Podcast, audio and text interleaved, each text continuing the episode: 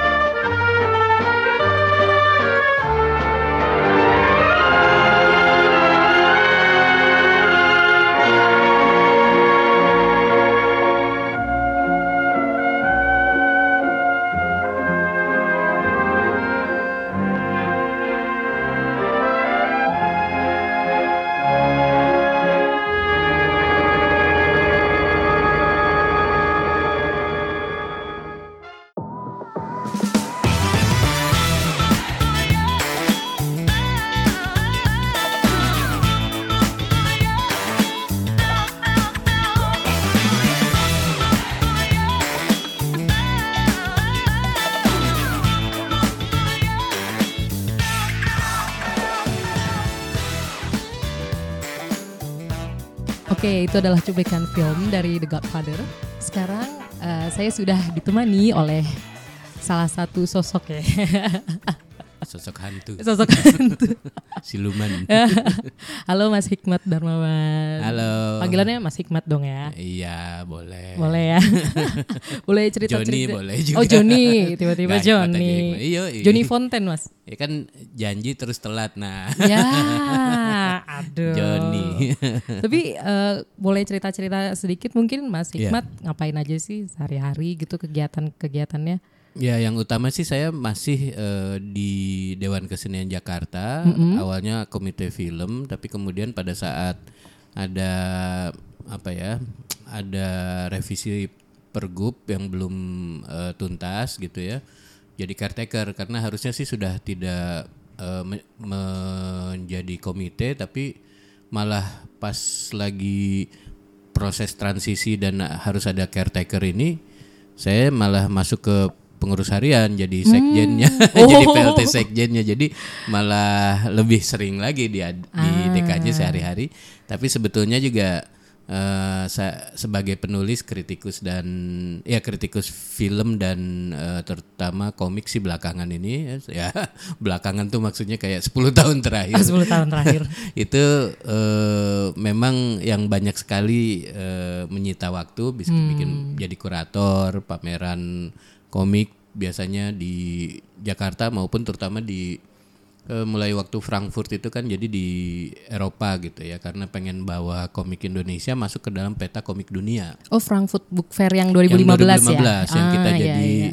tamu kehormatan itu kan guest of honor itu Oh berarti ke situ juga untuk uh, promosi iya. komik juga ya mas? Eh, waktu itu kan ada di pavilionnya salah satu uh, area yang di display itu komik Hmm. Eh, dan dari situ sempat ke Europalia dan kemarin ke London Book Fair. Oh. Ya, in between sih menjalin hubungan dengan eh, jejaring komik di sana untuk bisa masukin komik ke dalam peta komik dunia, komik Indonesia gitu. Wow, tapi tapi, di sini juga ya tentu saja adalah eh, pameran-pameran Iya, gitu kan. iya udah lumayan lebih kedengeran sih karena di M Block kan juga kalau nggak salah ada Ya. khusus komik Indonesia. Ya, itu eh, Faza ya. Mm-mm, betul. Dan sebenarnya di ruangan tempat kita rekaman pun ini kan di ruangannya Mas Hikmat juga banyak banget sih Iya. komik.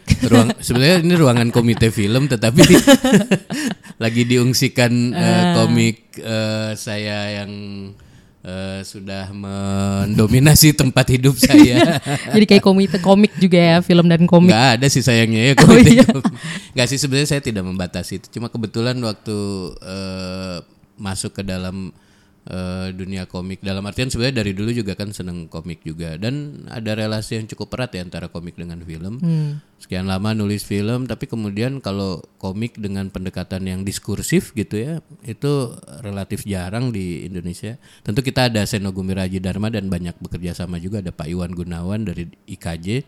Tapi eh, memang secara umum penulisan komik secara diskursif waktu saya eh, mulai nulis-nulis di awal 2000-an saya nulis tentang film dari tahun 90-an tapi kalau eh, apa nulis tentang eh, komik secara khusus itu tahun 2000-an memang jarang ya yang pendekatannya diskursif gitu.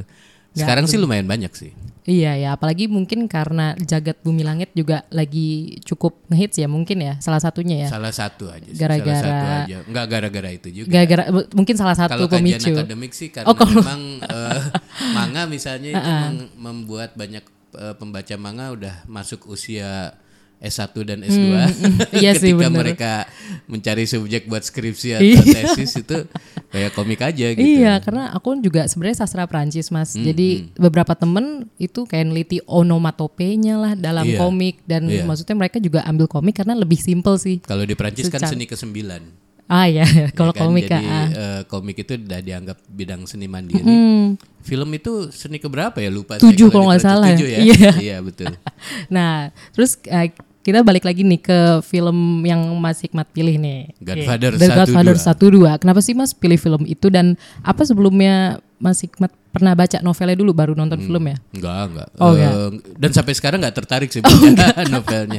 Dikirain baca juga, Mas. Eh, enggak, enggak, Oh, enggak enggak. tertarik. Saya enggak se geek itu. Oh. Kalau senang sesuatu terus eh, menggalinya kayak apa namanya sampai peritilanya gitu. Saya sebenarnya koleksi terlalu ya. koleksi Blu-ray gitunya. Iya, ya. iya. Saya eh, itu kan film yang punya kenangan eh, personal banget Hmm. buat saya dalam arti itu salah satu film yang membentuk eh, apa cara pandang saya terhadap film. Jadi sederhananya gini, waktu kecil saya nonton itu lewat video dan eh, karena hiburan terbatas pada saat itu eh, waktu itu tidak ditandai dengan banyak pilihan.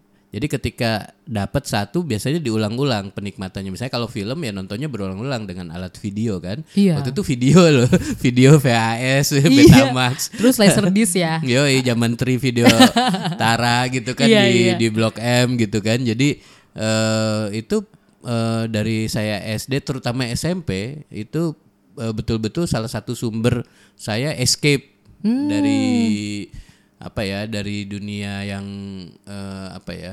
Saya kan waktu SMP itu kan ini ya. eh, jadi di- waktu SD saya karena telat pindah dari Bandung di kuartal ketiga waktu itu dibagi jadi tiga kuartal gitu bukan dua Hmm, Kayak semester catur bulan ya? iya catur salah. bulan Iya, ya iya, eh bukan kuartal ya catur iya. bulan ya Ka- Sempet sempet ngerasain Ah, juga. ah, kuartal satu kan iya kayak gitu-gitu nah s- eh, saya dapatnya SD yang kampung gitu sore gitu ya Hmm, tanpa usaha karena saya dari ke- eh, belum dari TK sudah bisa baca sementara di eh, SD itu banyak sekali kawan-kawan yang misalnya harus jualan harus apa gitu. Jadi sering kali eh, lamban eh, menguasai baca. Ya tanpa usaha saya juara kelas terus. Wow. tapi tapi maksudnya itu eh, berakibat rada buruk gitu ya. Karena kemudian saya tanpa kompeti merasa kompetitif gitu ya. Tidak ada persaingan yang terlalu berarti. Waktu itu saya juara kelas jadi saya nggak pernah belajar. Nah masuk SMP favorit semuanya pada kompetitif kan. Saya nggak bisa berkompetisi. Jadi epic fall gitu. Jadi turun ke papan bawah. Nah terus eh, apa namanya hiburan saya eh, karena jadi orang marginal cie anak marginal Kalau yang lain gitu mau ya. SMA favorit Yoi. gitu ya udah dari masuk kelas ke buku-buku kayak fiksi dan non fiksi ya sastra. Saya tidak membedakan gitu dengan komik juga Eh, bergaul main-main sama anak-anak kampung. Saya masih bisa main di kali walaupun eh, geek ya waktu itu. Nah film salah satu esca- escape yang asik dan orang tua saya juga kan beli video bukan karena orang kaya tapi karena mungkin sama isengnya. Itu terbukti karena saya nonton Godfather dan eh, film-film lain banyak sering kali sama ibu saya yang eh, pendidikannya hanya SMA. Jadi eh, kalau tingkat pendidikan sih eh, nggak tinggi kalau ibu saya, tapi dia eh, sebetulnya satu eh, artikulatif, eh, kedua ya ini yang membuktikan bahwa selera itu bisa dibentuk ya. Kedua dia penggemar Al Pacino. Dan kalau di Oh. kalau di gara-gara Godfather. Gara-gara Godfather. Karena saya nonton berdua kan. Biasanya saya baca di koran gitu kajian majalah bukan kajian lah ulasan gitu ya info gitu kan karena ya itu ter- terbenam pada bacaan-bacaan itu jadi, saya juga secara aktif tiap minggu tiap akhir pekan tuh mencari sewaan video yang eh, sesuai yang saya baca gitu kan uh, E.T. waktu itu nah Godfather masuk tuh kan waktu itu juga ibu saya nggak ketat-ketat apa oh ini 17 tahun ke atas yang ada ikut nonton gitu kan dan ikut menikmati jadi terus dia kalau ditanya bintang favoritnya siapa Al Pacino Selalu. film fav- favoritnya selain Godfather Dog Day Afternoon semuanya Alpak semuanya Al Yoi. Pacino semua ya. Alasan kedua milih film ini karena sekarang ada Irishman kan. Jadi baru eh, rilis. film gangster yang eh, katakanlah old school eh, gangster movies. Ya ada dua sutradara terutama kan yang sangat muncul yaitu eh, Martin Scorsese dan tentu saja Francis Ford Coppola dengan Godfather-nya. Nah, eh, memang saya waktu tahun 90-an eh, bingung lah kalau ditanya kan Godfather adalah film yang apakah film gangster terbaik sepanjang masa? Biasanya kan Godfather, tapi lantas keluar Goodfellas. Iya. Wah, nonton di bioskop pula saya. Oh, Jadi Irishman juga saya nonton di bioskop loh waktu kemarin ke London. Saya bangga karena sebenarnya itu kan historical. Oh. Iya, iya, iya, iya, Jadi kan eh, dia Netflix movies kan. Iya. Jadi hawanya wah jadi ngomong film gangster deh, tapi kan eh, salah satu yang eh, paling signifikan dalam sejarah film itu adalah film Godfather baik sebagai film gangster maupun sebagai film eh, secara umum gitu kan. Dan itulah film yang membesarkan salah satu yang membesarkan saya. Dan sebagai film itu sendiri banyak kita bisa bicara banyak aspek filmnya, historicalnya, eh, tempatnya di dalam sejarah sosial, nggak hanya sejarah film ya, tapi sejarah sosial di Amerika gitu itu eh, menarik saya kira gitu loh. Terutama mungkin kehidupan apa imigran Itali yang ke Amerika Itu yang eh, sekarang kemudian kalau saya lihat-lihat lagi eh, kok relevan ya. Misalnya sudut pandang imigran, Hmm. lalu sudut pandang dunia gelap melihat sejarah mainstream Amerika itu kan sebetulnya memberi perspektif yang menarik karena kan eh, apa ya? eh, satu ada code of honor itu kita bisa bahas lah nanti ya. Tapi eh, kalau melihat eh, apa ya? Betapa di situ kan secara secara sekilas tergambar sistem yang korup di di tengah keadaan eh, apa ya politik era Trump gini kan itu kok sangat ini ya sangat kena gitu Iya, loh. iya.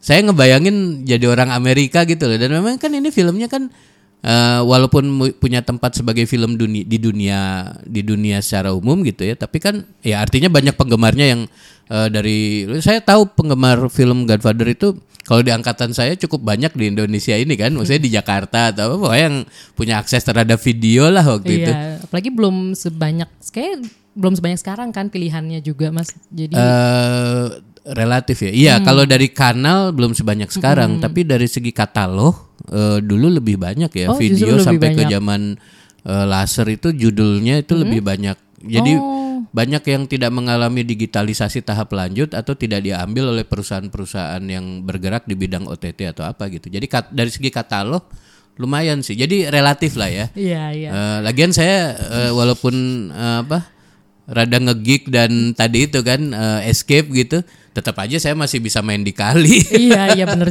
Punya juga. pilihan eh, main layang-layang, kenal tuh benang gelasan kayak gitu-gitu. Pokoknya eh, saya merasa eh, pilihan sih banyak, tapi kanalnya yang tidak banyak. Hmm, kalau sekarang kanalnya banyak banget ya. Iya, nah makanya kalau saya membedakan antara kanal dengan katalog, misalnya pilihan waktu saya eh, milih-milih film untuk disewa itu, oh itu banget, banyak banget gitu, eh, yang tidak ada sekarang gitu. Nah, eh, sa- saya sih ini apa namanya eh, merasa bahwa Godfather itu saya tonton pada saat eh, remaja ya, eh, usia ya, SMP tadi ya Mas. Yo, ya. Berarti sebelum berapa sih? 17 kan ya? Sebelum jelas 14, 13 sampai 15 iya. tahun itu kan masa formasi eh, apa di otak kita tuh formasi selera. Hmm, Jadi musik yang kita dengar pada periode itu akan stuck tertancap sampai kapan pun sebagai musik bagus wal, ba- bagi si si penikmat ya walaupun misalnya masih ngikutin apalagi kalau nggak ngikutin perkembangan ter- terkini. Saya misalnya ngikutin banget eh nggak banget sih sorry ya Eh, kalau musik ya. Tapi kalau film ya lumayan kan ngikutin. Tapi kan banyak hal yang stuck. Masuk Iya, jadi iya. saya ngerti secara kognitif gitu ya secara intelektual ngerti perkembangan estetik eh, sebuah media seni itu berkembang terus, ada yang terbaru, terkini bisa jadi jauh lebih bagus dari yang sebelumnya. Tapi kalau personally, guys, nostalgically ya film-film yang saya tonton periode itu yang sangat membentuk. Dan pas periode itu juga banyak banget yang rilis ya Mas berarti ya. Ya, Maksudnya yang iya, cukup saya misalnya juga. saya ingat itu yang salah satu yang ngebentuk saya itu kan di balik kelambu saya nonton waktu SD kalau nggak salah ya Oh, SD. bersama ibu saya juga Ah. What a cool mom Iya, iya. gitu Makanya kan keing- keinget banget ya Mas iya kan ya. Hmm. jadi selera saya kebayang nggak SD gitu saya udah kebentuk oleh film Teguh Karya gitu ya Oh ya ampun makanya Terus, sampai sekarang juga. jadi kan saya punya semacam apa ya eh, privilege untuk bisa melihat film sebagai karya seni s- pas sudah dewasa. Hmm. Iya, Karena kan iya. waktu kecil udah dibikin folder di kepala saya tuh Hmm. oh film eh, so called film art gitu menghibur kok gitu. Karena nggak udah- nggak nggak kena angker-angkernya. Wah, ini film festival gitu terus kita Art house menikmatinya ya. harus wudhu dulu. Enggak juga. Iya iya. Jadi eh, lalu pas SMP itu saya ingat eh, nonton Kejar Daku Kau Ku Tangkap saya nonton sampai enam kali itu. Uh. Jadi pada saat beredar ya di bioskop dua kali, empat kali di Oh. video. Tapi berarti belum ketat banget dong Mas. Apanya? Sebenarnya kan nontonnya Emang pas kapan Mas. ketatnya sekarang juga kan nonton The Raid aja ada anak kecil, Bo. Iya sih. Berarti emang dari dulu nggak pernah ketat ya? Indonesia. Oh, iya. One things that define us itu adalah flexibility. Flexibility makanya dari Elastisitas. SD. Waduh, yoi. itu semua berarti SD SMP bukan termasuk SMA malah ya. Eh, ya enggak. Eh, apa yang membentuknya SD SMP tapi Wow. SMA saya cari sendiri ya lebih gawat lagi dong. Oh iya sih, udah lebih kebentuk. enggak enggak lagi gitu Iya, kan udah kebentuk apa seleranya dan maksudnya tapi saya SMA cari ngaji. akses. Oh, ada tambahan. Jadi anak rohis. Jadi jadi, rada-rada eh, oh nyari film dakwah cie Iya. lumayan berarti itu Eh, katalognya padahal dibesarkan oleh film gangster iya. Iya banget, Mas. Tapi jadi kebayang gak sih waktu itu yang memformasi saya di samping ya itu film yang secara artistik itu eh, signifikan penting gitu ya tapi juga tuh tapi bu- bunuh-bunuhan film-film iya, bunuh-bunuhan. yang eh, abis waktu kecil saya seneng rubrik kriminal di Intisari Oh, jadi makanya yang pengkhianatan-pengkhianatan yang ada di film tuh Oh iya, suka banget jadi dong, saya Mas. punya rasa keadilan tinggi gara-gara ada code of honor di film-film gangster sama kayak fungsi eh, apa fungsi eh, film cowboy Hmm. eh, tahun 50-an 60-an buat anak-anak Amerika yang kemudian tumbuh di tahun 70-an kan. Itu yang western spaghetti gitu ya, Mas? ya? Enggak enggak. Oh, kalau saya iya waktu zaman saya western spaghetti, tapi menurut saya fungsi sosial film-film itu antara lain kan jadi acuan nilai. Ah. Itu di anak-anak Amerika kan terutama film-film John Wayne gitu. Saya masih sempet nonton ya, era video itu. Nah, itu makanya kan katalognya itu banyak. Sekarang tuh jarang. Misalnya film John Wayne yang dia jadi pemadam kebakaran, dia udah tua gitu. Saya lu- juga lupa filmnya apa gitu atau Oh, bukan cowboy lagi, pemadam kebakaran. Iya, dia kan nggak terbatas cowboy tapi dia defined by his roles as a cowboy ya. Ah, tapi pernah tuh ada pemadam kebakaran. Wah, keren banget gitu. Terus eh, ada film-film yang apa gitu. Nah, zaman itulah saya nonton Godfather gitu. Hmm. Godfather 1 dan 2. Dan menurut saya dari ke- dari kecil dulu kan saya takjub gitu ya nganga gitu sama filmmakingnya tapi dulu nggak punya artikulasinya kan pokoknya gila ya filmnya tuh Iya. grand banget sih gitu. Terus eh apa abis itu ya udahlah terbentuk film gangster punya tempat istimewa buat saya. Berarti Godfather tuh nontonnya udah mungkin udah lebih dari 10 kali juga ya, Mas? lebih lah. Lebih banget kayak ya? ritus gitu. Oh. Jadi kebayang nggak ketika tahun 90-an ada Godfather 3 tuh kayak sama seperti sekarang Irishman pas saya lagi ke London kan harus banget nih nonton di bioskop. Coba ya cari pesanan gitu. Oh. Iya, iya. Akhirnya ya berhasil karena kan dia Waduh. juga Netflix original jadi dia terbatas eh, ininya apa? eh, peredarannya di bioskop tuh terbatas. Bahkan di Indonesia kan di Netflix aja ya. Iya kayaknya gitu. Jadi saya. du- dia itu kan pas per 27 November harus di Netflix aja. Hmm. Tapi sebelumnya di bioskop. Nah, saya sempet jadi pas kebetulan lagi ke London jadi terus ya harus banget deh nonton. ya Allah, itu kayak ibadah lah. iya, jadi tiga jam itu udah bener-bener ritus Tiga setengah banget jam, ya. heeh. Tiga setengah jam. Tapi gimana mas? Maksudnya kalau sama Irishman suka juga kah? Atau? Oh iya iya bagus. Menurut saya sih itu salah satu yang istimewa ya dan tapi kan bioskop. saya sudah su- su- subjektif karena ya pokoknya nonton di bioskop. Lebih pada Aduh. ibadahnya itu iya, loh. Iya iya iya. Wah, aduh aku belum nonton lagi nih di Netflix. Nonton ada ada apa namanya tips untuk menonton sebagai mini seri. Kalau pikir-pikir tiga setengah jam nggak berarti apa-apa karena kan kita sekarang zaman bing, binge watching ya. Iya. Jadi kita ada satu season 10 episode itu kan berarti 10 jam sendiri kita toh nonton seharian dua harian. Jadi ya eh, saya tiga setengah jam di Netflix rada masuk akal. Cuma kan nonton di bioskop itu lebih pada aspek cinematic experience-nya. Pasti suara tembak-tembakannya juga maksudnya sesimpel Nah itu lucunya lebih- saya lucunya saya tuh tahu-tahu mesennya tuh edisi menonton relax. Oh. Saya nggak ngerti apa Ada kok murah. Nah makanya saya nggak tahu apa itu nggak Hmm. kurang-kurang perhatian karena biasanya saya urusannya komik gitu ya ke sana. Hmm. Jadi saya wah murah siang. Oh why not gitu daripada Hmm. malam kan karena kan udah mulai jarang yang muter tuh Irishman itu. Terus memang limited eh, ini ya limited eh, screening gitu. Terus dibarbikan kan, wah udah asik nih. Tapi kok edisi relax begitu nyampe, maksudnya begitu dalam bioskop, oh ternyata itu edisi khusus untuk eh, penderita autis atau eh, orang-orang yang peka terhadap cahaya atau latah gitu ya, atau ayan. Oh yang ada trigger warningnya ya Mas Ah, ya. Bukan hanya trigger warning. Oh, bukan. Jadi eh, di samping trigger warning ada eh, lampunya tidak dimatikan. Oh, oh. Ah, ah. Terus suaranya tidak seperti biasanya. Iya, iya, Jadi kayak dia nonton- lebih rendah suaranya, volumenya. Lalu ada pendamping selama nonton Oh, dan gitu. boleh berisik.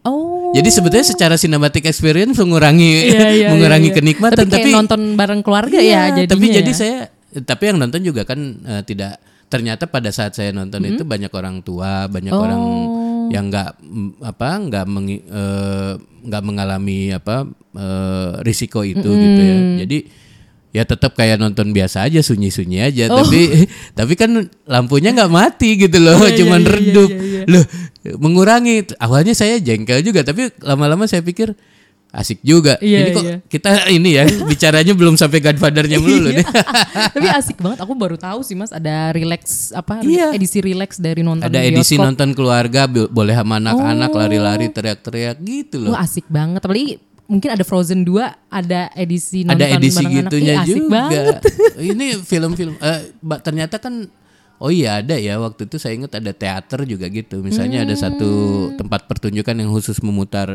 eh apa memainkan eh, drama Shakespeare gitu. Nanti ada edisi boleh sama anak-anak gitu Oh, loh, boleh lari-larian gitu. Iya, iya, iya, iya. Keren ya? Keren banget. Takjub. Iya, iya. jadi tetap aja itu cinematic experience yang bersejarah buat saya nonton Irishman dan tentu saja ada filmnya itu sendiri. Kalau saya sih merasa itu ya one of the best tahun inilah. Ah, apalagi menjelang akhir tahun jadi udah pasti masuk one of the best ya. Iya, jadi iya betul. Eh, Kan udah, masuk Desember. daftar lah ya. Iya, udah pasti masuk 10 besar lah gitu. Yoi. Saya Nah, bikin aja ya. Iya, coba, Mas. Tahun lalu kan bikin ya. Ditunggu, ditunggu. Nah, terus berarti kalau Godfather ini kita ngomongin Godfather lagi, itu nomor satu banget gak sih Mas buat Mas Hikmat? Actually enggak sih. Oh, sebenarnya Makanya enggak. akhirnya saya memutuskan memang Goodfellas, Goodfellas lebih bagus. Hmm. Eh, tapi kan 11-12 ya. Tetap aja eh, secara eh, estetik dia tidak jauh, cuma different approach. Eh, kalau eh, Goodfellas itu pendekatannya benar-benar eh, movie logic gitu. Jadi eh, retorika kamera itu sangat menguasai eh, naratifnya, apa penuturannya, storytellingnya gitu ya dan eh, editing, musik segala elemen-elemen misang scene segala macam segala elemen visual itu sangat optimal di Goodfellas. Dari segi itu saya merasa juga dialog dan eh, karakterisasi itu kan lebih dinamis. Jadi saya kira slightly better than eh, Godfather 1 2. Sementara Godfather 1 2 itu kan pendekatannya tuh eh, opera ya. Jadi grand theater gitu dan eh, itu sudah kelihatan selalu dimulai dengan eh, adegan pesta besar-besaran itu kan. hmm, iya. Jadi sangat teatrikal dan keseluruhan pendekatannya lebih teatrikal. Nah, eh, karena saya bukan orang yang dibesarkan dengan kenikmatan menonton teatrikal gitu, sebetulnya agak berjarak saya dengan dengan pendekatan itu gitu. Tapi tentu saja kita nggak, saya nggak bilang bahwa nggak ada retorika kamera ya ada di situ. Cuma eh, paradigmanya tuh slightly better, agamanya tuh beda gitu. Oh, Agama, beda. agama movie makingnya tuh beda. Nah, eh, saya tetap menempatkan Goodfellas nomor satu. Tapi kalau ngomong tontonan masa tontonan masa kecil ya Godfather sih. Uh, tetap punya nilai nostalgic. Saya sebetulnya ada satu tontonan yang waktu itu saya nonton di bioskop uh, film gangster juga. Itu juga one of all time best. Yaitu Once Upon a Time in America. Waktu itu saya nonton Untouchables juga. Tapi kalau yang eh, maksudnya waktu itu tuh tahun 90-an. Tapi kalau kita ngitung tahun 80-an, saya sempat nonton di bioskop, sempat masuk ke Indonesia Once Upon a Time in America. Itu for many itu uh, one of the great juga dari Sergio Leone. Dan lembut betul, puitis betul. Cuma masalahnya adalah yang beredar di Indonesia pasti edisi eh, dipotong oleh distributor. Jadi aslinya itu dia 4 jam. Aslinya 4 jam. Heeh. Kalau saja bisa eh, mengalami itu, wah, udah eh, apa? Sorga dunia deh. Maksudnya kan itu kan cinematic experience. Tapi waktu itu saya sebagai anak remaja saya nonton eh, film itu di bioskop eh, dan nggak pernah bisa nonton lagi. Ya waktu itu sempat nyewa juga videonya ada gitu. Terus jadi ada versi non sensornya dong. Oh, berarti yang 4 jam itu ya, Mas? Enggak juga, Oh, enggak karena kan juga. versi distributor. Oh, tetap versi distributor Ah, juga yang masuk ke sini. iya, Kirain iya. videonya gitu udah Videonya, yang 4 jam. nah kalau Criterion mungkin masuk ada yang 4 jam itu kira-kira. Berarti itu ada intermission Tapi itu tiga jam ya? juga men, Oh. tiga jam juga nontonnya. Nah maksudnya saya tidak akan terbawa nonton eh, mungkin ya, tidak akan segitu memaksanya harus nonton itu kalau nggak nonton Godfather. Jadi ya sekali lagi yang membangun fondasi saya terhadap fondness saya Iya. terhadap film gangster itu adalah Godfather. itu batu pertama lah ya, Mas. Iya, Nah, iya. tapi kalau menurut Mas Hikmat sebenarnya Godfather 2 tuh penting banget gak sih, Mas? sangat penting. Sangat Jadi penting. biasanya orang membicarakan Godfather 1 dan 2 dan saya menganggap secara pribadi eh, Godfather 2 lebih bagus dari Godfather 1 tapi tidak mungkin ada kalau nggak ada satu. Godfather 1 jadi Godfather 2 itu unik karena dia prequel sekaligus sequel atau sequel sekaligus prequel dia melanjutkan kisah Mi- Michael Corleone yang diperankan oleh Al Pacino tapi pada yang sama dia menggali eh, bagaimana eh, ayahnya yang meninggal pada Godfather 1 itu yang dimainkan oleh Marlon Brando. Di yang kedua itu waktu muda dia membangun bagaimana dia the rise-nya itu, rise. Ini kan biasanya Godfather itu naratif tentang rise and fall. Jadi dan biasanya sangat eh, apa grand gitu kan kalau yang mengambil bentuk eh, apa eh, Godfather itu kan. Nah, jadi si Michael Corleone-nya itu berlanjut ketika akhirnya dia di Godfather 1 jadi kayak ada baptisemnya ya kan. Bahkan sebenarnya adegan di puncaknya Godfather 1 kan disebut baptisemnya. Karena kan memang secara harfiah adegan baptis tapi diselingi dengan pembunuhan keluarga-keluarga Iya. lain yang dianggap eh, apa eh, saingan atau pengkhianat atau yang memerangi keluarga Corleone. Tapi kan dia menjadi don akhirnya tanpa diduga oleh yang eh, lain oleh tokoh yang lain karena eh, sudah ada kan posisi yang dicip- dibangun oleh Don Corleone. Nah, dia yang kedua itu bagaimana dia dari waktu kecil Vito dari Italia harus pergi karena dia berseteru diburu oleh eh, don lokal di Sisilia menjadi migran di Amerika sebagai anak kecil loh sendirian gitu ya masih mungkin ya waktu itu ya Iya ya. menarik loh dan ada adegan ikonik bagi banyak orang Amerika yaitu naik kapal masuk ke area eh, apa pendaftaran terus di penerimaan seperti sapi gitu kan Eh, terus di eh, kategorikan dia harus karantina dia harus pulang atau dia eh, apa lolos gitu ya itu di pelabuhan dan sebelum masuk itu kan ada di kapal memandang patung Liberty. Itu ikonik bagi eh, sebuah eh, imajinasi eh, bersama eh, bangsa Amerika gitu. Itu kan imagine community-nya salah satunya dibangun oleh itu dan di situ kan kebayang bahwa imaji ikonik itu sebenarnya kan sampai dari mana sih? Film gitu loh. Dari tahun 30-an, 40-an, 50-an selalu ada film Amerika yang menggambarkan migran yang datang dan kemudian dari kapal yang membawa mereka dari entah di mana apa old world kalau orang bilang kan Eh, biasanya ini kan awal-awal abad 20 atau akhir abad 19 gitu Iya. ya. Eh, gelombang migrasi itu gitu kan.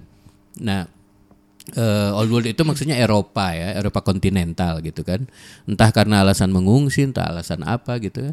Datang ke Amerika dan membangun hidup baru. American Dream lah ya Mas. itulah American Dream dan memang itu juga yang menarik dari film semacam Godfather dia mem- meletakkan fondasi eh, American Dream tapi dari sisi gelapnya makanya perspektifnya selalu menarik bagaimana dia memandang peristiwa historik Irishman misalnya memandang eh, pembunuhan eh, Kennedy itu gimana sih Hmm. nah kalau di eh, Godfather itu kan si Michael Michael Corleone itu si bungsu itu kan orang yang veteran perang baru itu kan Iya, mulainya persis. 45 tahun Iya, 1945 Dia masih pakai seragam Iya. tentaranya juga. jadi bagaimana dia sebetulnya adalah pahlawan perang kan Iya. hitungannya kan dari perang dunia kedua. Dan seiring dengan naiknya eh, supremasi Amerika setelah tahun awal ya setelah abad 19 eh, tahun 30-an dan kemudian 45 dia definitely sebagai satu negara yang eh, adidaya gitu karena kemenangan perang. Eh, pada saat yang sama itu keluarga Kimin eh, Corleone eh, ini kan eh, naik juga gitu kan di bawah tangan yang tidak diduga yaitu si pahlawan perang itu yang oleh ayahnya kan sebenarnya dibilang saya tidak menginginkan hidup ini buat kamu kamu itu harusnya jadi orang yang pertama dari keluarga Corleone yang eh, apa namanya eh, legit hidupnya. Da- jadi dia kan reluctant gangster gitu. Tapi kan ternyata dia orang yang paling eh, tepat dalam artian instingnya gitu kan. Eh, orang semua kan ada kisahnya kan ada empat anak Don Vito Corleone kan.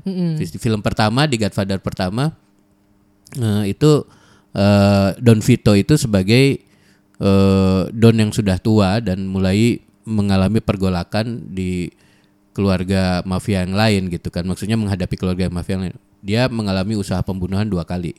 Di samping dia sudah tua.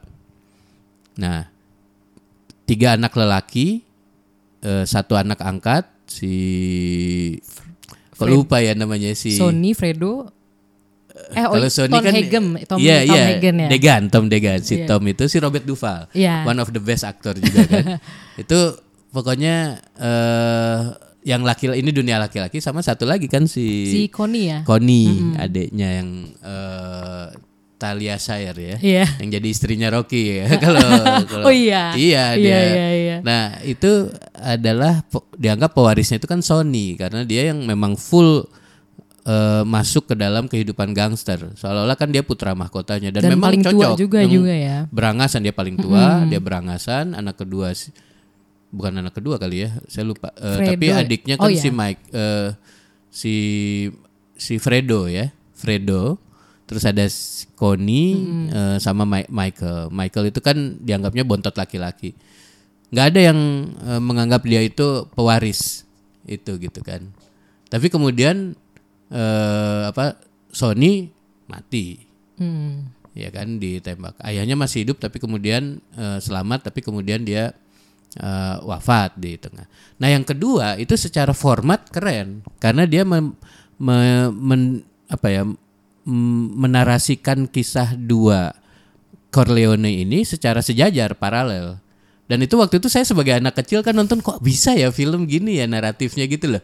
Setelah blown away gitu ngelihat film yang pertama karena grandernya. Mm-mm. dan gimana ya intens banget juga ya gitu ya sebagai wah gila anak SMP di kampung Jakarta men. Nonton gitu gitu ya kayak saya sih nggak tahu soal American Dream awalnya tapi kan lama-lama kan saya bisa membaca banyak tiap kali nonton ada pembacaan baru ada pem- sering saya dewasa ada pembacaan baru lagi gitu kan. Tapi terus yang kedua itu secara format asik banget. Kita tahu betul bahwa itu di prequelnya gitu. Tapi pakai elemen apa ya? Saya dulu kan nggak ngerti. Iya, apa? alur Paling alurnya lurus settingnya kan? Iya. paling settingnya kita langsung tahu. Tapi kok dia nggak perlu apa ya namanya?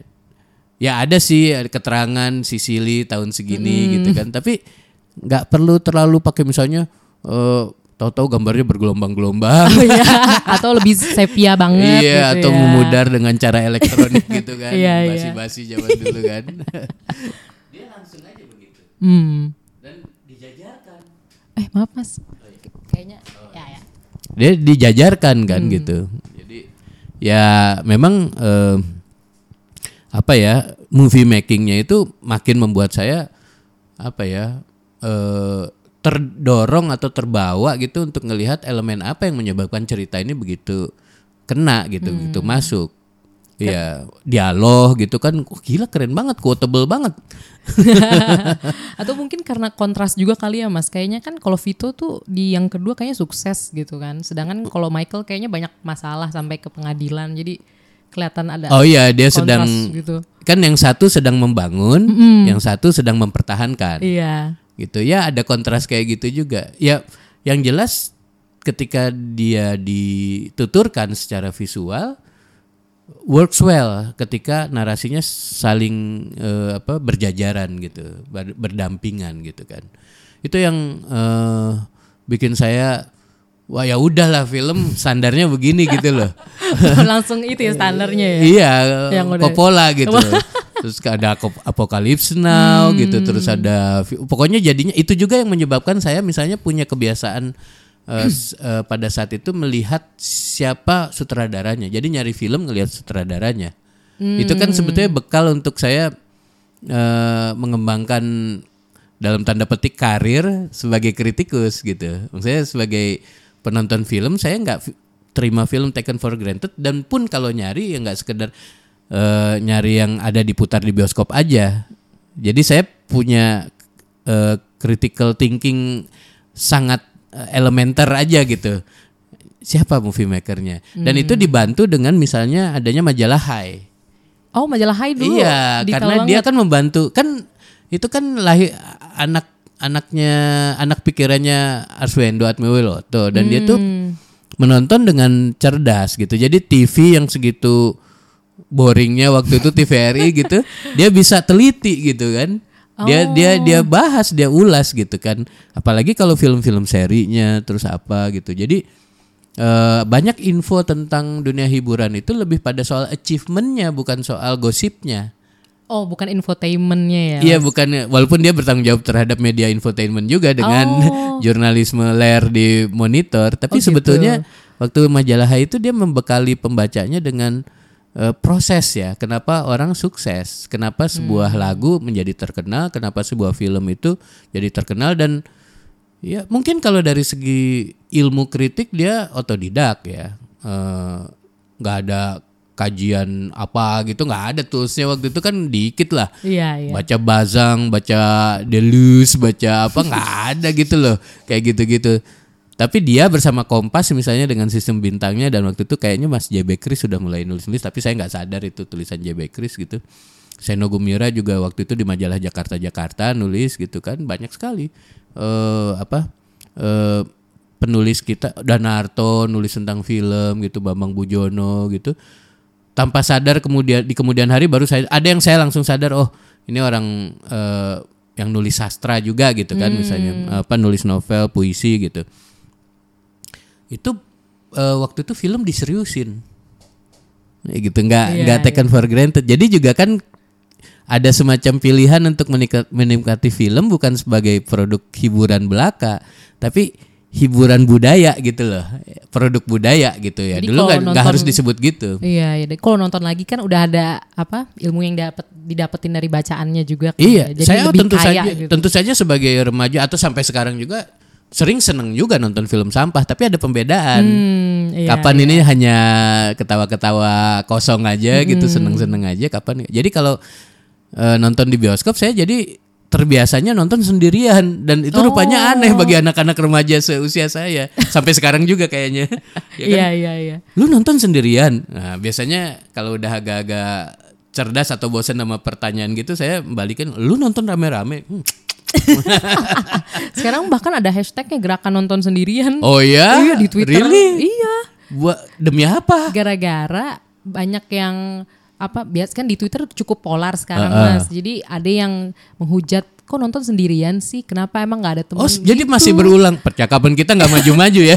Oh, malah aku kaget itu dari lama udah ada. Zaman saya sering saya Oh. "Kok nonton sendirian aneh banget sih lu gitu kan? Oh alah. Nah, iya kan karena menonton bioskop itu kegiatan sosial. Iya iya iya. Oh Gitu. untuk banyak orang sosial iya jadi rame-rame. iya. Bahkan kan memang bioskop juga dirancang. Iya untuk- sih. Maksudnya sebagai pengusaha bioskop atau pengusaha film, dia mendingan ditonton rame-rame Iya dari- daripada ditonton sendirian Orang- dicela-cela juga Iya filmnya. benar juga. Soalnya sekarang kayak apa apalagi film horor tiba-tiba orang sekantor udah ngebuk satu seat gitu. Wow, oh jadi gitu. udah rame sendiri isinya.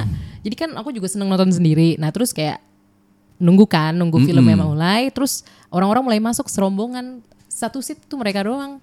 Kayaknya oh sih iya ya kantor betul gitu. betul betul. Jadi makanya mungkin dan mungkin Twitter juga kan emang apa ya kalau Emang komentar ada-ada aja iya, lah ada-ada gitu. aja gitu. Jadi kayak rame banget sempet rame banget itu loh. Wow, lucu juga ya. Iya, kayak apa lagi ngomongin yang Scorsese sama MCU Mas, yang Marvel. Oh iya, saya tim Martin Scorsese dong.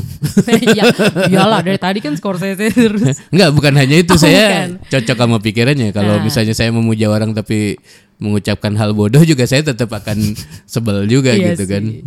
Tapi eh kembali ke Coppola itu dia membuat saya punya standar film tuh bisa seambisius itu. Hmm.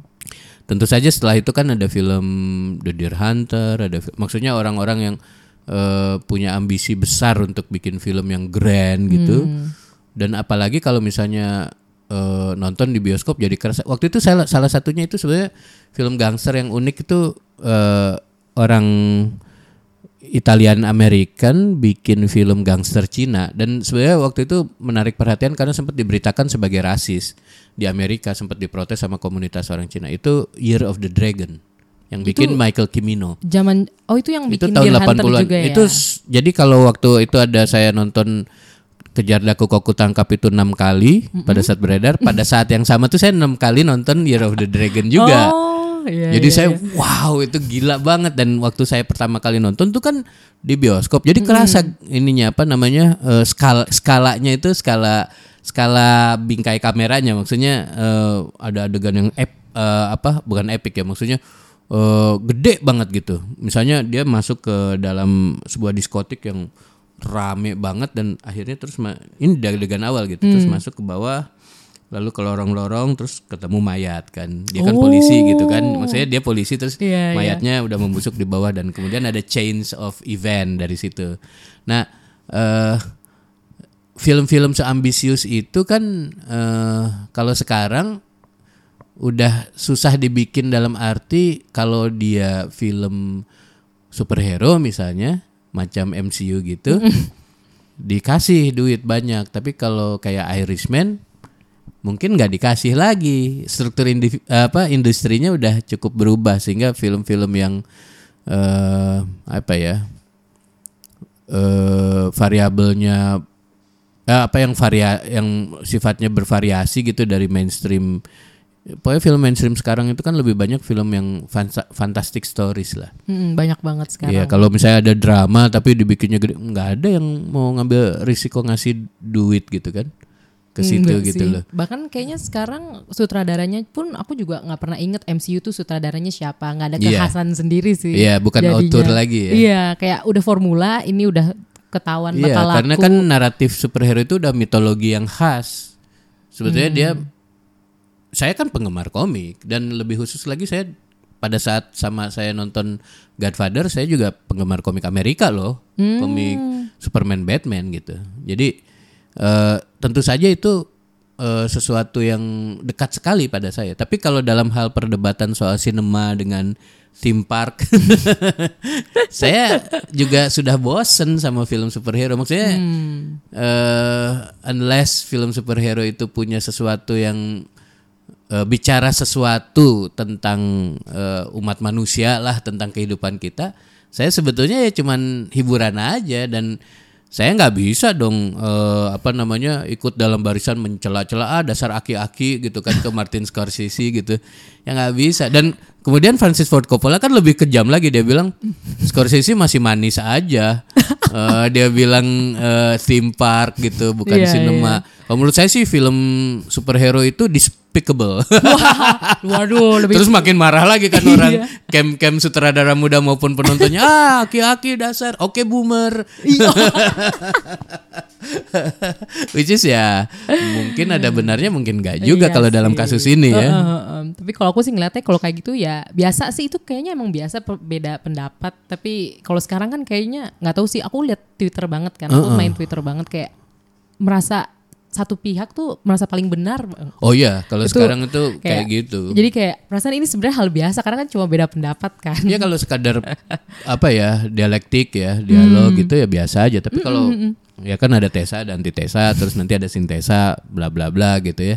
Tapi kalau ngelihat sekarang itu kan lebih kayak eh, sentimen kesukuan, Iya, jadi kayak iya. tribalism. Iya banget. Ada camp superhero Marvel. Eh, orang sebetulnya kan MCU aja nu coba bayangin deh sekarang.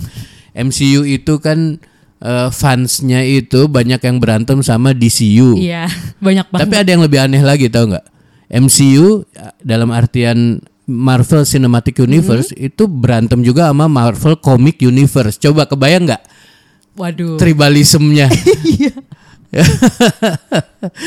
Oh, malah Saya tuh langsung apaan sih Iya, nih orang iya, ribut nggak keruan habis waktu emosi segala macam untuk hal yang ya elah ambil aja semua gitu loh. Iya, iya. Soalnya sekarang Batman kan juga terakhir kan sama Christian Bale, eh terakhir sama Ben Affleck terus sebelumnya Christian Bale itu juga sempat diributin. Dan nanti Robert Pati apa Robert Pattinson iya, kan makin ribut lagi. Perasaan dulu kayaknya sudah mulai ribut udah, Oh, udah ya, jelas udah ya. fan culture itu cepat sekali melahap apalagi sebelumnya informasi. Twilight mungkin ya Robert Pattinson. Padahal Robert ya. Pattinson keren banget loh sebagai aktor.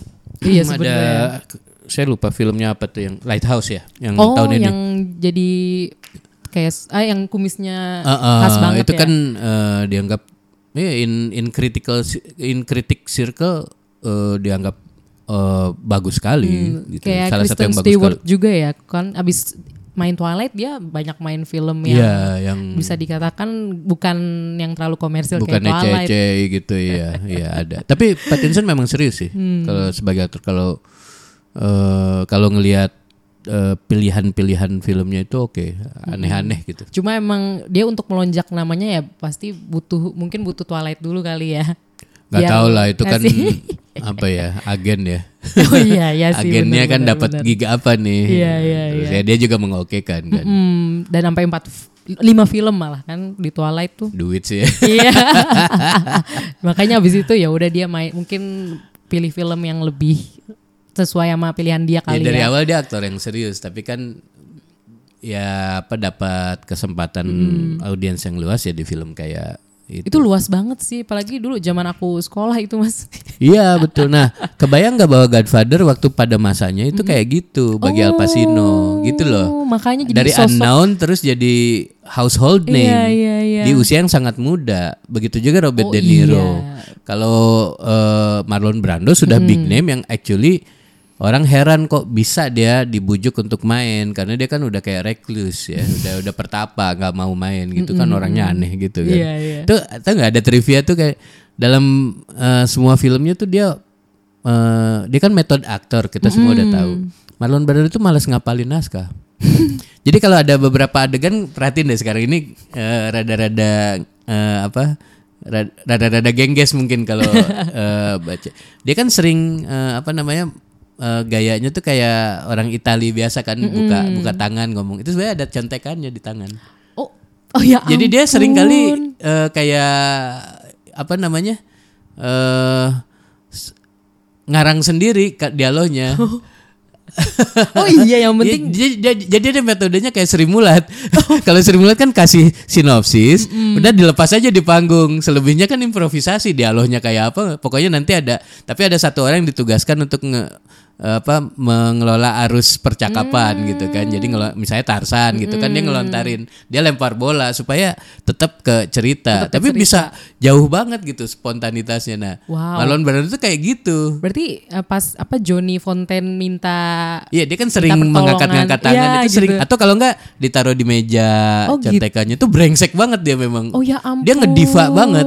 nggak mau dia apa-apain. Tapi kan sebagai sutradara muda waktu itu Coppola hayo aja Iya, makanya dia iya, confidence iya, juga iya, bahwa iya. filmnya tetap bakal bagus. Ah, makanya abis itu dia main di Apocalypse Now juga. Kan apa? Iya itu ya ampun itu kan apa ya ada orang mati bikin Iya. filmnya movie making parah ada uh, Sampai footage stres itu juga yang kan ya? yang bukan hanya Marlon Brandonya yang gila si Coppolanya juga dianggapnya orang gila Hmm. itu footage-nya itu maksudnya yang uh, shootnya diambil tuh sampai ribuan jam loh Oh aslinya ribuan jam. iya jumlah filmnya Berarti itu emang overtime juga terus over ya budget iya banget pokoknya ya. barang ada kebayang nggak sih kayak ada eh, ada apa lokasi eksotik gitu kan ambil-ambil aja. Iya. yang ada apa hel- helikopter Pokoknya lah. udah no, Iya, no iya, limit iya. aja kayaknya. Waktu itu kan dia udah big names dong. Makin Iya. megalomania cara bikin filmnya. Sesuatu yang nggak mungkin sekarang terjadi. agak susah sih kayaknya Iya, ya. makanya kan dokumenterinya jadi menang Oscar juga. Behind the scene-nya tuh menang jadi dokumenter yang menang Oscar juga. itu aku dengar bahkan kayak pemainnya juga sempat stres gitu karena over Ada yang meninggal, ada, Ada yang yang meninggal. meninggal Jadi itu movie ya. Itu ya maksudnya kita secara moral tuh really is that worth it? Hmm. Kenapa sih orang bisa sampai gitu? Orang mikirin bahwa eh, kenapa sih masyarakat atau publik atau ya bahkan perusahaan kita, harus bayarin proyek-proyek kayak gini gitu kan. Untuk apa sih buat kemanusiaan gitu kan? Tapi kan hasilnya memang deliver. Pada saat yang sama Michael Cimino yang bikin film uh, Year of the Dragon itu Mm-mm. Setelah sukses Deer Hunter lalu Year, of the Dragon uh, oh sorry. Sesudah Deer Hunter tapi sebelum Year of the Dragon itu dia bikin uh, lah kok lupa ya. Itu film yang dianggap itu penting juga. Sama ambisius gilanya tuh sama tapi flop. Hmm. Uh, Heaven's Gate. Oh ya, Heaven's denger. Gate. Itu kan one of the all time flop itu loh yang maksudnya dia bring down the industry loh. Tapi itu sebenarnya yang sampai si Mino nggak nggak banyak dipakai lagi kalau iya, salah ya. karena memang bring down the industry waktu itu. Oh. Kayak recovery-nya susah tuh sebagai industri. Kat- kalau nggak salah sampai itu ya production house-nya bangkrut atau Iya, eh, studionya kan Studionya nggak- ya. stu- bukan production house bahkan studio Oh, gede gitu. Kayak bring down dan dari dari enam studio besar kalau satu flop apa sa- satu terjungkal itu kan ada efek domino kayak yang lain sempet oh, gitu loh. Berarti kayak sempet turun banyak lah ya. Mm-mm, karena kan over budget, over time, over apa gitu Oh, semuanya tuh alah. gara-gara pengen perfect. Saya nonton filmnya. Uh-uh. Heaven's Gate. Saya suka loh. Oh iya iya. Jadi iya. ih gila ini sebenarnya filmnya keren banget loh dan belakangannya tahun-tahun eh, setelah tahun 2010 saya sering Hmm. lihat ada daftar-daftar eh, yang mengapresiasi ulang film kayak Heaven's Apalagi Gate itu. kemarin kan kalau nggak salah beberapa bulan atau beberapa tahun lalu kan Michael Cimino baru meninggal dan itu muncul lagi sih Iya, iya. Heaven's Gate. Iya, saya nonton filmnya yang di bioskop gitu yang kan saya nonton waktu kecil nonton Year of the Dragon ya. Tapi nonton film di bioskop si filmnya yang udah aduh small banget gitu sedih deh nanti. Aduh gitu gimana ya itu bener-bener fall from grace banget deh. Aduh, iya, Tahun iya, 90 yang main sih padahal keren filmnya. Eh, kok saya lupa ya filmnya apa. Yang main tuh si Anthony Hopkins, Hopkins kalau nggak salah. Oh. Nonton di bioskop karena ini Michael Cimino men. Iya iya iya. Tapi memang udah nggak bisa recover dari. eh, jadi ketika dia oke lagi dengan of the Dragon, dapat go lampu hijau bikin film gede gitu, langsung dihajar oleh isu rasia, ras- rasisme, banyak yang protes dan sebagainya karena dianggap mengga- menggambarkan etnik Cina dengan negatif. Dan emang sih, karena kan tokoh utamanya rasis juga, rada rasis juga gitu. Oh iya iya iya. Jadi ya dan tapi waktu itu melejitkan tok eh tok aku lupa ya bintangnya itu yang eh, kemudian jadi bintang yang solid sempat gitu. Habis itu dia main Madame Bartof- Butterfly. Kalau lagi kayak gini gue memang jadi movie geek ya. Dari Gak bisa kok. menyetop alur alur informasi anyway. Jadinya susah kita bicara Godfather-nya itu Karena sendiri. berarti kan emang luas banget kan karena kan itu batu pertamanya Mas Hikmat. Iya, dong. jadi banyak memberi apa ya namanya? Even pelajaran hidup. Oh iya. Baik satu maupun dua ya Misalnya Mas. ya. how to be apa ya? decisive ya. Hmm. man. Ba- Kan kita relate banget dong dari orang yang dianggap nggak tahu apa-apa terus dia punya insting yang bagus ketika menyelamatkan ayahnya dari upaya pembunuhan kedua di rumah sakit Hmm. dan kemudian ketika akhirnya dia oke sa- saya akan bunuh dua orang itu. Yang naro itu sih Iya, Mas pistol di di, di toilet itu Iya kan. itu aku keinget banget sih. Nah itu kan ingat eh, bahwa jadi adegannya memorable dari berbagai hal gitu. Acting, Hmm. Iya, eh, pendekatan kamera kalau dipikir-pikir saya sekarang kan mulai merhatiin detailnya. Maksudnya sejak tahun 90-an gila sih adegan itu kapan masuk suara Hmm. eh, kapan mendekat kameranya. Kap- eh, misalnya kan dan acting jelas eh, oke kawin semua deh itu gitu, semua unsur gitu kan, Iya, semua iya. unsur film. Tapi eh, yang juga memorable kan dialognya gitu kayak misalnya eh diketawain kan ketika saya yang bunuh. kan dia mau ketemu saya kan dianggap yang paling tidak berbahaya diketawain sama Sony kan sama kakaknya kan Iya. Eh, ah lu lucu lu kata aja gitu tapi terus dia bilang enggak ini bukan emosi dia bilang it's just business dia bilang Wuh, gitu sampai mulai. si Tom Hayden juga iya sih bisa juga kan. Bener juga sih. Jadi dia menawarkan sesuatu yang tidak terpikirkan. Itu kan bisa jadi pelajaran bisnis Wah iya banget ya. Apalagi dia underdog tadinya ya. makanya nonton You've Got Mail kan Nonton nih. Ya tokohnya itu kan si yang diperankan si siapa si Si- Tom Hanks ah, Tom itu kan Hanks. bilang semua masalah dalam hidupnya bisa dijawab oleh film Godfather. gue gue nontonnya ada "Eh, jawabannya." iya benar Iya, iya, gue iya. banget nih gitu Kalau gimana soal liburan apa kerjaan Eh, kita harus milih mana terus kata kata Tom Hanks kan loh Godfather sudah menjawabnya leave your gun take your cannoli Wih. bawa roti kanoli lu eh, apa taruh di rumah eh, pistol lu. Jadi biar gimana libur sama keluarga lebih penting daripada dengan pis, apa eh, kerjaan. Iya iya iya. Itu Godfather banget ya. dan itu Amerika banget. Orang Amerika kan memandang Godfather laki-laki Amerika gitu. Eh, dan emang laki-laki banget Iya sih, sih. Ya, waktu itu kan gitulah ya Hmm, Dan masih mungkin Itali juga kali ya Mas. Jadi keluarganya kenceng banget unsur keluarganya. tapi orang Amerika aja ini kan seperti saya bilang ini American Dream dari sisi gelap. Dan kan bagi banyak anak muda "Ah, anjing gila keren banget gitu. Eh, apa berpikir di sisi gangster gitu iya kan. iya iya. memandang Amerika gitu memandang negeri gue nih gitu kan. Itu kan sebenarnya rada-rada pernah dilakukan oleh Naga Bonar kan. Kebayang nggak bahwa TNI di puncak Orba di saat dia sangat mendominasi tahu-tahu tokohnya eh, pahlawan revolusi gitu copet Iya iya iya iya iya iya iya. iya. Jadi keren banget ya juga Surusan ya. itu keren banget sumpah. Jadi nah si eh, apa namanya si eh, Godfather ini film sebagai film ya dia jadi acuan banget. Karena orang kan jadi ngefans ya. Jadi kalau Hmm. udah ngefans kan ngelihat peritilan. Tapi belum tentu peritilan teknis, tapi peritilan yang bagaimana how it means gitu. What what it means gitu. Hmm, apalagi oh, aku juga jadi keinget adegan kepala kuda sih mas. Wow, itu yoi. itu pas pertama kali nonton kayak, hah, yang yoi gila ya kan itu gila. bangun terus Iya. Wah, terus kan ngelihat kan settingnya grand banget gitu.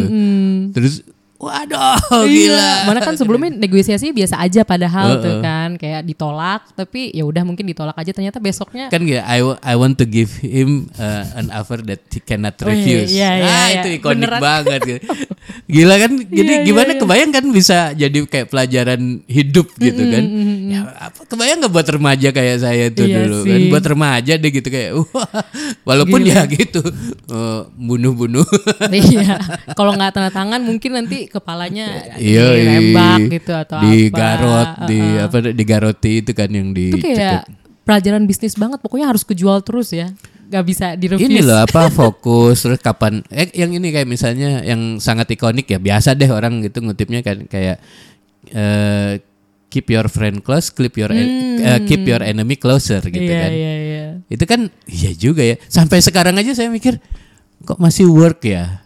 Maksudnya eh orang itu kan instingnya kalau musuhan ya menjauh atau berantem Hmm, gitu. Nggak bersentuhan sama sekali tapi lah. kan kemudian kita nggak tahu langkahnya lawan gitu iya kan. sih bener-bener Jadi- Apalagi di keluarga mafia inilah ya. Kalau misalnya diterjemahkan dengan eh, rada bisa-bisanya gitu ya, rada kan mikir, oh ya kita harus lebih intens mempela- memelajari langkah lawan, gitu kan, ngebayangin isi pikiran dia gitu. Iya, kan, jadi iya, closer gitu, enemy closer, lawan tuh maksudnya, ya tentu ini lagi lagi sebuah naratif eh, yang sangat maskulin atau patriarkal gitu ya, jadi cowok banget gitu, cowok dengan arti maskulin banget gitu kan, yang misalnya itu di eh disanggah dalam film misalnya dalam film The Arrival itu yang science fiction yang oh ya oh men- mendekati lingu secara linguistik dia eh, apa titik berangkatnya untuk memahami bahasa si alien itu dari mana?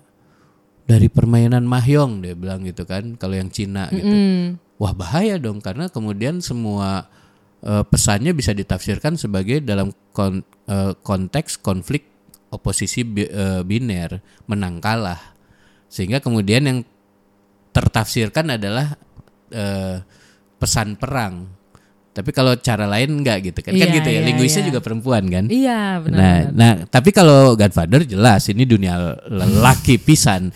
saya bukan orang yang eh, into pada alpha male, tapi saya dibesarkan oleh film-film Rambo, Godfather, Iya, oh iya itu alpha male banget Jaka ya. Sembung. Iya iya iya. Ronda Macan Betawi tahu nggak Ronda Macan Waduh, Betawi? belum nonton. tapi kan saya juga Disney, Muppet, Ah, iya, iya, ya iya, kan. iya. Jadi ya, apa 101 Lengkap lah ya. Dalmatians gitu kan yang sangat apa ya lembut gitu kan. Walaupun juga konservatif eh, Ah. banget gitu. Nah, ya kebayangkan bahwa eh dia juga di level sosial tuh meaningful bagi orang Amerika. Nah, yang menarik kan orang macam saya ini apa eh, meaningsnya gitu, relevansinya. Satu ya tentu saya bisa menikmatinya sebagai film kan. Jadi itu yang ngebentuk selera dan eh, apa namanya referensi rujukan. Tapi juga eh apa ya? eh karakterisasinya itu. Jadi jadi apa? re- Relasinya kan ke gimana ya? Orang yang di luar gitu kan. Ketika si Michael Cimino itu harus dia kan selalu orang luar. Dia kan di keluarganya juga orang luar, outsiders. Tapi dia yang menyelesaikan masalah. Di saat saya nonton pada saat saya merasa orang luar di di, Di situ. sekolah ya kan Iya, kan iya, iya. epic fail apa epic fall dan epic fail. Dari saya semester 1 misalnya ranking ketujuh terus karena nggak bisa berkompetisi jebret terjungkal ke ranking 30-an nggak pernah recover papan bawah tapi selalu jadi masuk sekolah favorit Wih. jadi saya selalu pulih pada saat ujian akhir Pak di saat yang jadi tepat masuknya ke SMA 8 Wih, iya, iya. di papan bawah di SMA 8 tapi nggak apa-apa Tapi favorit, tapi iya, secara iya, iya, sosial lulusan mana lu sampai sekarang SMA 8 wih cie. SMA 8 Jakarta ya. Asik, gitu kan Iya, iya. Eh, jadi Sampai eh, sekarang tuh masih itu loh Mas. Masih. i- oh masih ya Masih. wow ya, saya alumninya aja Iya. jadi bodohnya aja kayak gini cie. enggak lah Mas. Aduh enggak lah, enggak enggak. Enggak, enggak. Eh, tapi maksud saya eh, waktu itu banyak menjawab kebutuhan psikologi saya untuk punya role model gitu kan, Hmm. Iya, being iya. outsider si Michael. Michael kan tadi nggak ada hubungan sama sekali kan, family dia business. diasingkan dari kegi- daripada Tom Hayden eh, apa Hagen ya? Hagen. Mm-mm. Tom Hagen kan Iya. kepercayaan keluarga, Padahal- kepercayaannya Sony, kepercayaannya Don Vito. Iya sih. Gila Bahkan ya, itu si relasinya Michael kan udah ya. bawa si Kay juga kan, kayak dia Iya, dan dianggap nggak- outsider juga Iya, gitu nggak kan. bakal ikutan family business Tapi kok, dia yang gitu. menyelesaikan masalah. Itu kan kayak oh, keren banget ya gitu Iya, loh. iya, iya, Jadi iya. kan ada imajinasi gue boleh outsider tapi kalau ada masalah gue yang bisa nyelesain Iya, cek. tapi kayaknya juga anak-anak iya remaja sih. gitu. Tapi kayaknya jadi merasa outsider banget gak sih Mas berarti? Ya relate aja. Relate ada, ya. It's okay being outsider. Iya, iya, iya. Karena it's not uh, it's not really about uh, quality of a person, tapi Hmm. simply ya memang lo outs- outsider aja. Jadi uh, bagaimana pertumbuhan karakter ya, pribadi si karakter ini adalah uh, role model banget. Apalagi pas yang di kedua, bagaimana dari kondisi yang sama sekali mustahil ya, mus muskil gitu seorang anak sendirian si si ayahnya itu si Vito Mm-mm. sampai dia rise to power. Wah itu dan power itu kan se- seduktif ya. Iya. Eh, apa namanya? Eh, rayuan power itu kan wah, gila Apalagi ya. kalau udah punya orang-orang kepercayaan. Walaupun kemudian dalam hidup power apa yang saya punya? iya sih. Maksudnya kan eh, and then life happen ya. Iya, Tapi eh, life itu kadang-kadang equal equal shit. Jadi shit happen. Enggak ya, saya saya sih sebenarnya eh, happy juga dengan tempat saya kemudian ya. Tapi Hmm. dalam kondisi sekarang misalnya nonton lagi Godfather, kadang-kadang kan revisiting gitu ya. Mm-mm. Eh, di luar aspek nostalgic tentu saya tetap kagum pada eranya juga pada how can at one point in history of movie making lahir karya kayak gini gitu loh. Dua, Jadi ya, dua duanya itu lagi ya. dua itu. Jadi memang sampai sekarang sung sampai sekarang pun eh, saya susah memasukkan Godfather 3 tapi memang ya Godfather 1 2 itu satu paket aja gitu. Walaupun eh, banyak kritikus yang rupanya tidak menganggap sebagus Godfather 1. Saya heran juga gitu ya. Hmm, yang kedua ya. Yang kedua itu uh, urutan berapa gitu kalau misalnya selalu top 10-nya uh, Godfather 1 misalnya, tapi kalau Godfather 2 uh, bisa jadi di luar top 10 gitu. Bisa jadi. Tapi Oh. mungkin karena sebagai film yang pertama. Mungkin, mungkin. Ya kan dia memang mendobrak banyak hal. Mm-mm. Nah, para pendobrak itu kan si eh, Francis Ford Coppola itu kan film-filmnya ya banyak eh, jejaknya gitu. Misalnya eh, dia pencipta bintang ya di film yang sebetulnya dicela banyak orang, eh, The Outsiders. Nah, Hmm. The Outsiders kan semua bintang tahun 80-an itu Ralph Macchio, Tom Cruise ya kan? Iya, iya. Eh, Matt Dillon sampai sekarang kan masih, Masih- bintang ah, masih ya kan? kedengeran. Be- beberapa di antaranya gitu kan Eh, lalu eh, apa namanya ada Martin Scorsese waktu itu taksi kan Iya, taxi driver Eh, ya. sebetulnya waktu itu ada Mean Street saya nonton di di video saya belum masuk tuh sama sama estetiknya dia setelah saya lebih dewasa saya bisa menghargai Mean Street Hmm. oke banget nih. tapi taksi wow itu eh, ikonik banget gitu kan nah lalu ada film uh, filmmakernya tentu saja Spielberg saya nonton Indiana Indiana Jones E.T. gitu kan ya. Eh, E.T. nggak masuk bioskop waktu Oh, itu enggak. Ya, tapi kalau Jaws? masuk Eh, Jaws masuk, Masuk. tapi Uh. juga nontonnya di video sih kalau saya Oh, mm-mm. yang di bioskop tuh Indiana Jones Ih, seru banget tuh Mas pasti. Yoi, Ya satu ampun. dua men. Iya, iya, iya, iya, iya. Eh enggak sorry, yang kedua sih. Yang satu itu di video. eh, apa lewat lah waktu itu saya. Tapi, tetap seru lah Mas. Pasti iya, itu kebayang. juga one of the best movie juga kan waktu saya SMP itu Iya, kan. iya, iya. Jadi selera hiburan terbentuk juga oleh itu. Lalu ada Brian De Palma. Hmm. Eh, itu saya suka banget sih sama Brian De Palma waktu itu blow blow out ya. Eh, sama John Travolta itu eh, memorable buat saya juga karena ada adegan pembunuhan sadis perempuan dibor. gitu kan. Waduh, tapi Yoi. kayaknya di Scarface juga adegan akhirnya tuh juga lumayan berdarah-darah. nonton di bioskop yang awal aja saya udah ngeri kan ada yang temennya digergaji mukanya Iya, gitu loh. Itu semua main main apa ya imaji kalau kalau sekarang kan zamannya gor-goran gitu ya jadi langsung eksplisit kalau dulu kan cuman adegannya kan ditempel aja di Pakai eh, di pinggir mukanya tapi kemudian habis itu nggak pernah digambarkan Iya, beneran iya, di iya. cuman efeknya aja yang kayak digambarkan oh aku inget Clockwork Orange kan Hmm. pas apa mulai ngebunuh tuh ngebunuh cewek pakai pakai dildo yang gede banget. Oh, iya, itu kan iya. nggak sampai apa gori yang Enggak, darah darah enggak, tapi iya. tapi takut kayak kita eh, apa ngebayangin sendiri yang yang yang tidak di ya itu kan maksudnya yang tidak diungkapkan itu bisa jadi eh, apa namanya bisa jadi lebih ngeri di kepala kita karena kemudian dilanjutkan oleh imajinasi kita. Iya iya. Sebetulnya salah satu film yang sangat terkenal dengan pendekatan itu adalah Psycho. Hmm, Kan dianggap paling eh, menakutkan padahal kalau dilihat tuh adegan showernya itu nggak ada loh. Iya, bayangan Eh, apa terus pisau menusuk daging itu nggak ada. Iya, nggak ada, nggak ada. Tapi ada cek muka Iya. Muka aktrisnya. Tapi di Godfather ada banyak adegan yang eksplisit. Uh, iya, Surprisingly itu, jadi misalnya kayak peluru nembak ke mata. Yang Ya kan, lagi- yang mau green, mau green, Yang apa, lagi dipijat, iya. ya kan? Ya siapa pasang kacamata itu nice touch loh kalau Iya, sebagai iya, movie iya. making ya. Dia pasang kacamata dulu itu kan tindakan yang wajar ya. Mm-mm. Apalagi saya sekarang di usia yang oh iya ya bener ya.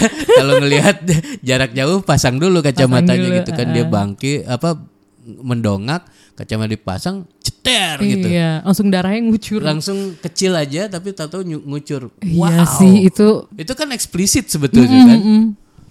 Gila oh sih. iya iya. tapi iya, kalau si siapa si suaminya Connie itu iya. Mm-mm. dibunuh kan dia itu apa namanya?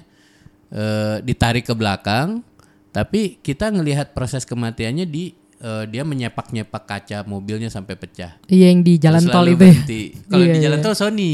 Eh, ditembakin. Kalau ini di depan rumahnya pas Oh, mau dibawa. iya, iya, iya, iya. Oke, Udah mulai akhir-akhir. pergi gitu Iya, kan. iya, Iya, iya, iya. iya, Ini iya. sebenarnya spoiler ya, tapi nggak Gak apa-apa. Tapi tetap sih mas, yang menurut aku aku paling inget tuh Godfather 2 pas Fredo di perahu. Uh, iya kan? Nggak diliatin kan padahal kepalanya pecah atau apa enggak kan? Enggak, tapi itu paling keinget dan bahkan Fredonya kan nggak jelas karena siluet aja sebenarnya Iya, kan. Kan dari jauh kan. Iya, itu aku agak kaget sih. Ya, karena pilihan moralnya kan. Iya, iya, iya. Gila, Gila. si itu. Michael Apa, si Michael gila gitu kan. keren banget ya kalau Pengkhianat ya ada ampun. iya Tapi kan- keluarga ya. Kalau sekarang diperhatikan leading up to that scene itu kan yang dia kan udah bilang oke nggak ada urusan lagi sama saya kamu you are nothing for Hmm. Iya, me." Eh, kalau mau ketemu ibu kita kamu harus bilang-bilang lebih dulu supaya saya nggak ada nggak ngelihat kamu gitu kan Mm-mm. itu kan setelah itu kan ibunya meninggal Iya. si Connie minta maaf kan cium cium tangan kan Mm-mm. si Fredo dipeluk tapi kan tatapan mata ke bodyguardnya ya kan halus semua tuh nggak perlu diomongin gitu Iya, ya iya, jadi kita iya, iya. nah lu dan bener kan Malah lebih itu ya. yang gila tuh adegan gitu. adegan adegan pembunuhannya diawali dengan dia ngajak anaknya sempat naik perahu kan Oh anaknya iya, Michael ya Sambil ngobrol ngomong juga kan iya ya, kan terus ngobrol-ngobrol. si Connie manggil so is it Connie in that uh, plan juga atau enggak Hmm. dia tahu nggak ya kan yang nggak pernah diungkapkan Iya, kan? iya nggak pernah tahu. berarti tuh. Connie setuju dong pembunuhan Wah, terhadap iya Fredo kan Iya, iya. ya kan iya, iya. kebayangkan dia manggil Iya, iya kan manggil anaknya terus ya udah cuman berdua kan. Mm, dan Fredo kan sambil ngomong, sambil Iya. ngayu. Oh, iya ngayu sih. terus tapi yang menarik kan saya saya juga eh, baru merhatiin pas kapan gitu nun kok dia kayak berdoa ya Hmm, iya, iya, iya. Iya kan dia kan yang kayak apa sih eh, apa Kayak eh, dia agak refleksi hidup juga gitu deh mas kayaknya ya. mungkin dia udah tahu juga Ah, Gitu iya, kan. iya. Jadi pasrah aja gitu Iya ya. kan makanya dia mengucap apa gitu tahu kan ngeluarin pistol udah tahu eh masuk ke kameranya ke si Michael Corleone dari jendela terus ada bunyi apa eh, tembakan yang bergema di danau gitu kan Iya sih. Terus kaget pasti ya mencelos ya pas denger bunyi tembakan itu pasti mencelos kamu ya. Hah? Tembak juga. iya, dikirain kan mungkin Ini kayak kok spoiler banget kita. Gak apa-apa lah mas, gak apa-apa. Pa- Biasanya sih kalau udah dengerin sih udah nonton biasanya kan. Nostalgia kan. Oh, Iya iya. iya. Tapi nggak apa-apa sih maksudnya sebagai film it still works well. Hmm, Maksudnya kan eh, saya juga sama mencelosnya melihat adegan itu setelah nonton kesekian kali which means ada film-film yang memang dunianya dibikin dengan penuh dan jadi gitu ya. Hmm. Godfather tentu salah satu. Oleh banyak sekali elemen di dalam film itu yang kalau kita begitu masuk ke dalamnya kita suck in. Kita terse- ter- terserap dan terbenam gitu, tersedot dan terbenam di dalamnya. Jadi kita kayak susah meninggalkannya gitu kan. Iya, iya. Kita still want to know what happened padahal kita udah tahu gitu Iya loh. sih. Ya, Kayak- film-film yang dunianya udah jadi gitu ya kayak gitu. Wow, bahkan kayak Kay pas di Godfather 2 sih aku kayak cukup empati sih mas. Karena kan Yoi. Apa dia katanya keguguran ternyata padahal enggak. Mem- mengaborsi karena Uh, uh, terus dia marah. find out bahwa Iya, dan Michaelnya pasti juga udah stres terus. tapi kita terbagi kan Iya loyalitas kita sebagai penonton di satu sisi gila ya kebayang gitu marahnya namanya juga marahnya Godfather gimana dong Hmm, anak lagi kan? iya gitu Maksudnya kan dan, dan dia kan keluarga patriarkal tradisional Iya. dia marah ketika tahu mungkin anak laki-laki gitu Mm-mm. jadi ya eh, apa namanya sebagai karakter jadi semua. Fully develop gitu. Connie eh, para begundal orang-orang yang kemudian menjadi lawannya eh, Michael Corleone Fredo. Iya, bahkan dan kita Fredo. kan apa namanya tahu lemah tuh si Fredo. Tapi kan eh, apa namanya gimana ya kayaknya harmless gitu kan. Iya sih, kayak kayaknya ya. kesayangan deh gitu. Mm, mm, mm. dan Ternyata- kita ngerti juga frustasi dia kan you are my kid brother gitu kan how come you apa you help me gitu apa kenapa kamu yang mengurusi saya Hmm. gimana rasanya saya sebagai kakak gitu Iya, kan iya, iya. Kakak cowok lagi kan Yoi. ya. kan lemah gue kan nggak sepenuhnya bego gitu kan Iya, iya, iya, iya, iya. wah semua eh, kebayang gitu loh. Isi dalamnya perasaan-perasaannya gitu kan. Jadi pengen nonton lagi mas. Iya, iya. satu dua, satu dua sih. Tiga agak, aku agak bosen sih. Iya, iya, somehow losing the grip ya, apa eh, eh, longgar ya penyutradaraannya. Kalau kita pengen melihat eh, Michael akhirnya gimana, mungkin terasa wajib nonton itu. Iya. Tapi pikir-pikir kadang-kadang kita naruh di end itu eh, penting juga. Jadi kita nggak mau tahu lah yang Iya, ketiga iya, udah gitu. cukup Bisa ya. juga, bisa juga gitu. Selesai yang perahu itu, terus dari jendela.